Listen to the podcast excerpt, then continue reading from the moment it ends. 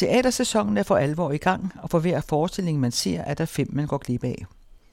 I denne udgave af Kastesigten har kastesigtevikar Ingeborg Elisabeth Vind set tre forestillinger, hvor det personlige er politisk og det politiske personligt.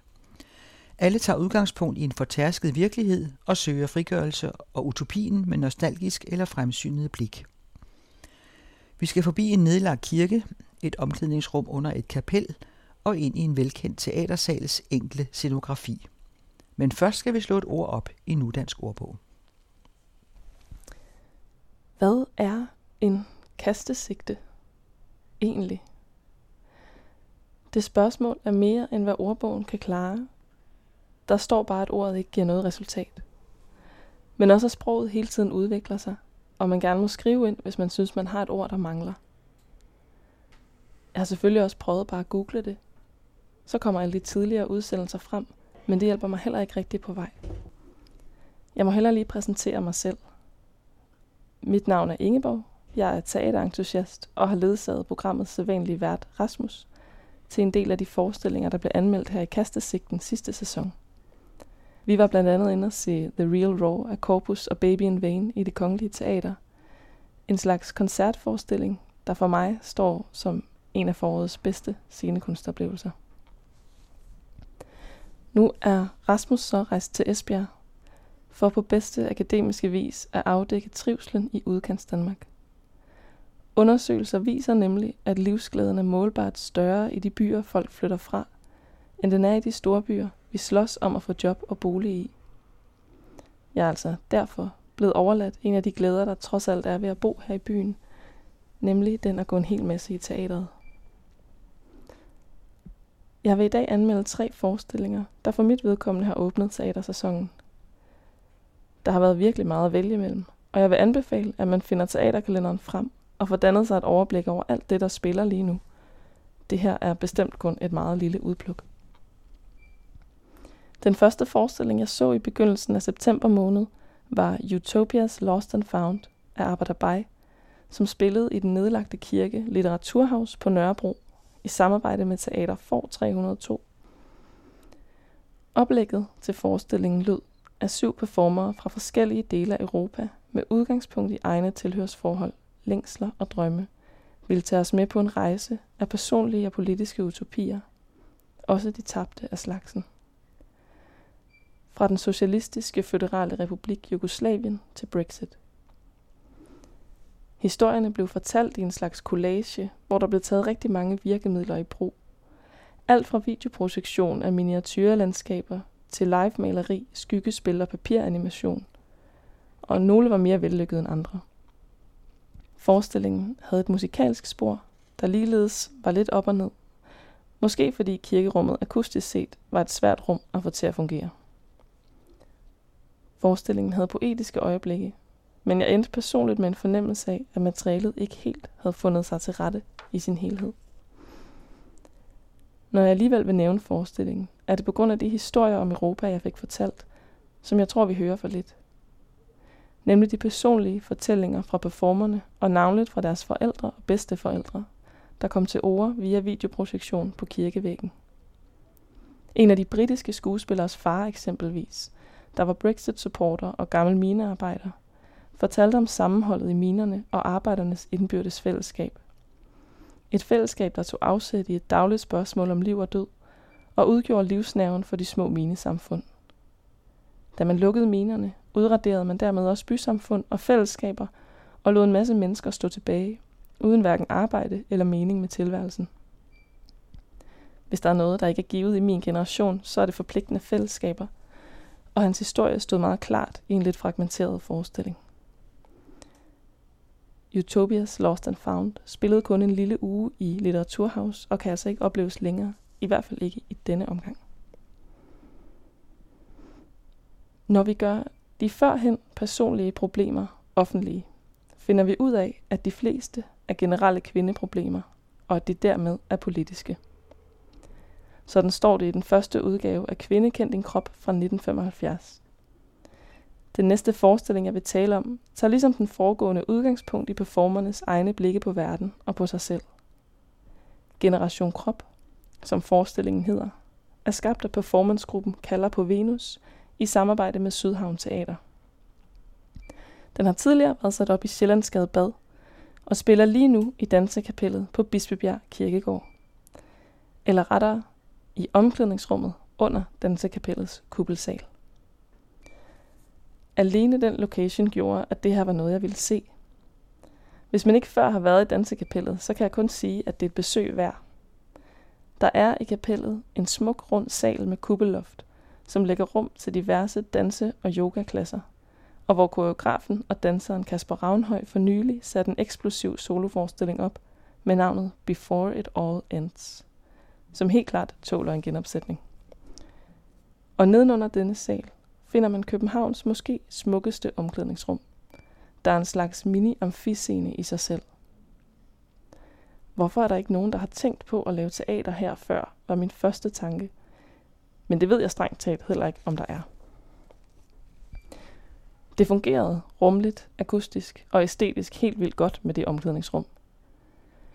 Allerede fra vi kom ind og blev mødt med en duft af sæbe eller lavendel, noget rent i hvert fald, og indfandt os på trapperne i en halvcirkel omkring badene, hvor performerne stod bag de hvide badeforhæng, der nu agerede scenetæpper, for uden en enkelt kvinde, der stod alene i badetøj og spillede sfærisk keyboard, mens vi satte os. Rummet og den intime fornemmelse, det gav, smeltede fint sammen med forestillingskredsen om det universelt forunderlige og mærkelige, ved at have noget så blødt og sårbart som en krop, og det akavede og blufærdige, der kan opstå i dens møde med en kold og kantet verden. Som for eksempel i mødet med omklædningsrummets hårde materialer og konfronterende dagslys, eller foran spejlet, hvor kroppen forsvarsløst modtager øjets skarpe blik og tankernes nedladende kommentarer og kritik. Noget jeg godt kunne lide ved forestillingen, var dens enkelhed, både tematikken og strukturen. Forskellige små scener illustrerede en kropslig situation eller fornemmelse, og hver gang badeforhænget blev trukket for igen, var det et sceneskift. Der blev skabt meget genkendelighed, som ikke føltes klichéfyldt. Men hen mod slutningen, synes jeg, at forestillingen blev lidt selvhjælpsagtig. Fokus snævrede ind, og det handlede meget om absurde kropsidealer og overdreven kalorietælling. Og det virkede sådan set ret ærligt og interessant, men da det hele sluttede med en forbudt af slutfest, og nu skal vi alle sammen spise et stykke brownie, kunne jeg ikke lade være med at tænke, at det måske havde været bedre for forestillingen ikke at komme med for klare svar på, hvordan vi løser den kollektive kropslige skam. Blandt andet fordi de respektive performers udgangspunkt for samtalen, hvor reflekteret de end er, var ret privilegeret. Jeg har aldrig rigtig brudt mig om generationsbetegnelser. Blandt andet fordi de altid har handlet om min generation, og er blevet udtænkt af nogen, der er et par generationer ældre. Og så er de sjældent positive. Men jeg kan godt tilslutte mig, at vi har bevæget vores kultur et sted hen, hvor det er blevet almindeligt at tænke uforholdsmæssigt meget på sin krop. Ikke nødvendigvis være i kontakt med den, men bruge oceaner af tid på at bekymre sig om dens fremtræden og kunden, sammen med alle de andre præstationsorienterede bekymringer, man også kan have, hvilket forestillingen også kommer ind på. Måske er den kropsfixerede generation netop vokset ud er bekymringernes afkobling fra kroppen. Vidste lytteren for eksempel godt, at den nuværende ungdomsgeneration er den, der sammenlignet med deres forældre og bedsteforældres generation har mindst sex. Det kan være et resultat af mange ting. Men øget psykisk sårbarhed blandt unge, forsigtighedskultur og præstationspres synes at være noget, der slår ud på radaren. Så godt man ikke er ung i dag, kan man så tænke, medmindre man er det – vi har måske lavet for mange lektier og haft for meget stress til at forholde os til vores kroppe som andet end et fartøj for vores hjerner, og en målestok for evnen til selvkontrol og high performance. Og det tror jeg er noget af det, der som en modreaktion afspejler sig i et fysisk teatersprog og en styrket dansescene, der vokser frem i vækstlagene lige nu, og som også Generation Krop er en kommentar til. Til sidst et lille sigende fakt fra forestillingens tekst. Vidste du, at man forbrænder 150 kalorier ved at slå hovedet ind i en væg? Generation Krop havde sidste spilledag i Dansekapellets omklædningsrum den 29. september.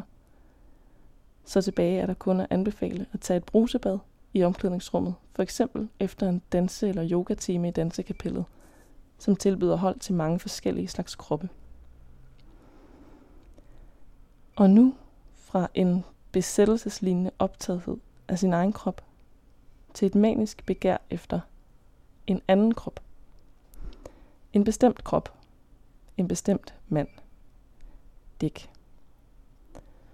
På Husets Teater har Jens Albinus instrueret stykket I Love Dick efter Chris Krauss' roman af samme navn fra 1997, der er blevet en feministisk kultklassiker.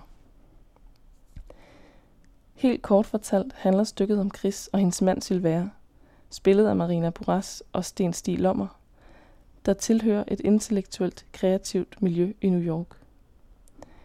Efter en enkelt festlig aften med Dick, spillet af Jimmy Jørgensen, som Sylvère har mødt gennem sit arbejde, begiver de sig ud i et grænseoverskridende litterært og performativt projekt, der tager afsæt i Chris' pludselig opståede, men alt opslugende fascination og tiltrækning af Dick. Bogen er skrevet baseret på Chris Kraus egne oplevelser og hendes breve til Dick, og det er altså det værk, Husets Teater har sat i scene. Og efter min mening er det projekt endt ud i noget ret fedt teater. Jeg sad på kanten af sædet og lod mig modstandsløst trække igennem Chris' følelsesmæssige derute, der både var gal og genial, og godt selv vidste, at den var begge dele. Marina Boras gjorde det for mig virkelig godt, som den superneurotiske og utrættelige Chris. Selvom min ledsager kunne supplere, at bogen slår en mere tør, sarkastisk tone an, som adskiller sig fra det ret åbenlyse sammenbrud, der udfolder sig på scenen. Den enkle scenografi understøtter tekstens tematikker, uden at overtage fortællingen. Blandt andet ved en løbende dekonstruktion, der også giver en slags fornemmelse af kapitler. At noget afdækkes, og en sandhed nærmer sig, som tingene brydes ned. Også begrebet montre, at se på en enkelt del i en montre, for bedre at forstå den samlede hele, antydes i scenografien efter at have fået betydning i teksten. I dialogen mellem Chris og Sylvère kører parallelt med samtalerne om Dick et kunsthistorisk og politisk spor, hvor billedkunstneren Hanna Vilkes spiller en central rolle som et spejl og et forbillede for Chris. De historiske og politiske spor i teksten fungerer som en slags prisme for de fortolkningsmuligheder, Chris selv observerer, at hendes reaktioner, følelser og handlinger har. Heri synes jeg noget af spændingen i teksten ligger. At Chris i sin afmagt hele tiden holder fast i at bevare overblikket over, hvordan hendes desperation kan forstås i en kontekst. At den faktisk er med til at afdække selve konteksten og fungerer som en lyskejle på de eksistentielle og samfundsmæssige problemer, der har tilvejebragt sammenbruddet. Frem for blot at være et isoleret personligt problem. Der er samtidig også stor ironi i det, fordi hendes konstante overanalyseren også er en del af hendes tragedie. At hun og hendes mand Sylvère er fuldstændigt afkoblet fra deres kropslighed og skal gå nogle lange akademiske omveje for at forstå, at sagens kerne er, at Chris er seksuelt tiltrukket af Dick. I Love Dick manifesterer sig kønspolitisk i litteraturen på flere måder. En af dem er, at det i den her fortælling er en kvindelig fortæller, der ufortrødent jager, begærer og objektificerer en mand, der kun lige akkurat har et navn. Og i det lys er det tilgiveligt, at Jimmy Jørgensen er lidt kajtet, castet eller instrueret i rollen som Dick. For han er egentlig kun en krunende papfigur, der skal fungere som katalysator for Chris' hmm, kreativitet. Og Chris er en form for antiheldinde, der blot lægger sig selv, for at vi andre kan blive lidt klogere på nogle dynamikker, der så længe de er tabu, tillader nogle usunde hierarkier at bestå. Jeg bemærkede efter forestillingen, at ikke alle blandt publikum virkede helt så begejstrede som jeg. Eller også var de bare lidt forvirrede. Der var i hvert fald flere, der lige skulle samle stumperne.